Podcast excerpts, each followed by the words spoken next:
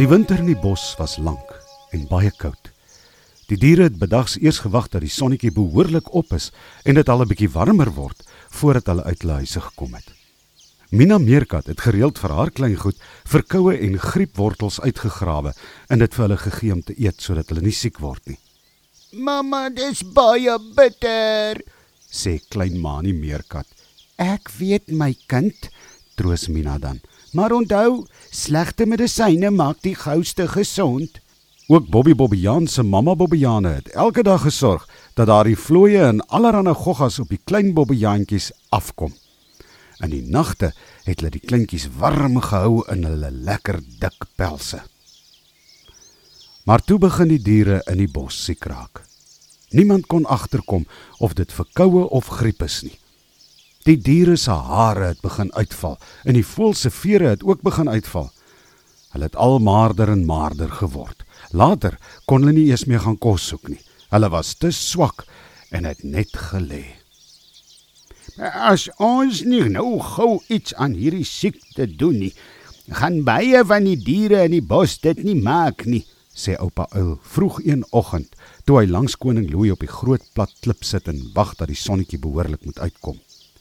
Ek weet oupa Uil, sê koning Louis. Hierdie is 'n lelike siekte.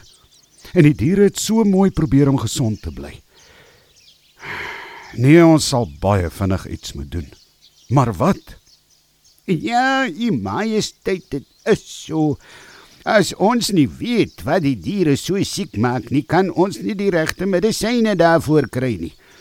Ons moet probeer kyk wat die diere eet of drink wat hulle so siek maak. Oupa Uil frons sommer so diep tussen sy twee groot oë. Hulle het nog so gesit en gesels toe Krokkie Krokodil daar aangekruip kom. "My aarde Krokkie, jy's aan baie dapper om so ver van die rivier af te stap," sê koning Louis. "Maar is jy nie veronderstel om in die winter so 'n bietjie langer as gewoonlik te slaap nie?" "U majesteit," antwoord Krokkie uit asem. Oh, maar ek kon nie net so bly lê terwyl al die diere net seker en seker word nie. Ah, u majesteit, ek dink ek weet wat die diere so siek maak. Maar dis wonderlik, Krokkie, sê koning Louis en staan sommer op. Wat is dit dink jy wat die diere so siek maak? U majesteit, al die diere drink nog steeds uit die rivierwater. Al is hulle ook hoe siek, Maar ek is bevrees hoe meer water hulle drink, hoe sieker en sieker gaan hulle word. "Hoe bedoel jy nou, Krokkie?" vra koning Louis en sit sy hand op sy ken. "Die diere moet mos water drink. Geen lewende wese kan sonder water lewe nie." "Ek weet, u majesteit, maar dis nou juist die ding. Die rivier se water is nie skoon nie." Koning Louis gee 'n tree vorentoe. "Nie skoon nie?" vra hy. Ja, u majesteit, ons klomp krokodille is net so siek. My neef Kobus krokodil het gistermiddag vir my kom kuier daar van die bokant van die rivier af. Hy sê die mense, die mense daar het 'n groot kamp gebou en soos u weet, u majesteit vloei die rivier van daardie kant af hier na ons toe.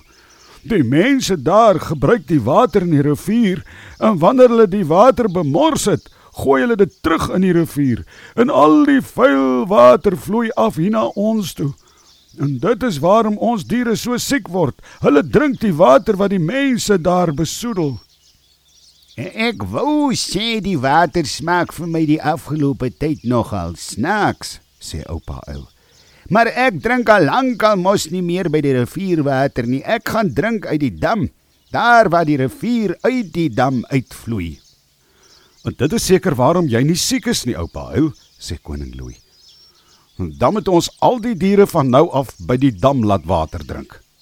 En maar die diere is te swak om so ver te stap, u majesteit, sê oupa Huil. Ek het 'n plan, u majesteit, sê oupa Huil. En die lang veer op sy een oor staan sommer so kirts regop.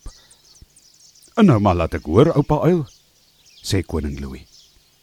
Uh, ons kan vir die olifante en vir olie olifant vra om vir die diere wat al te swak is om self dam toe te loop in hulle slurpe water te bring. En, en terwyl hulle dit doen, gaan ons die wildwagter se aandag trek en hulle na die mense se kamp toe lei sodat hulle kan sien wat besig is om met die rivier te gebeur. So gesê, so gedaan. Oupa Uil het van die siek springbokke gevra om na die wildwagter se waghuis by die groot hek toe te loop en daar te gaan staan sodat hulle raak gesien kan word.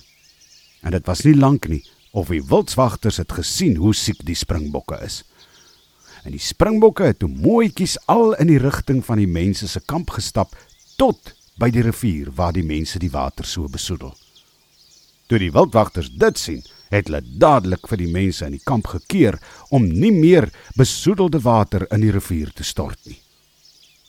'n Week later kon die diere weer uit die rivierwater drink en hulle het sommer gou weer beter geword.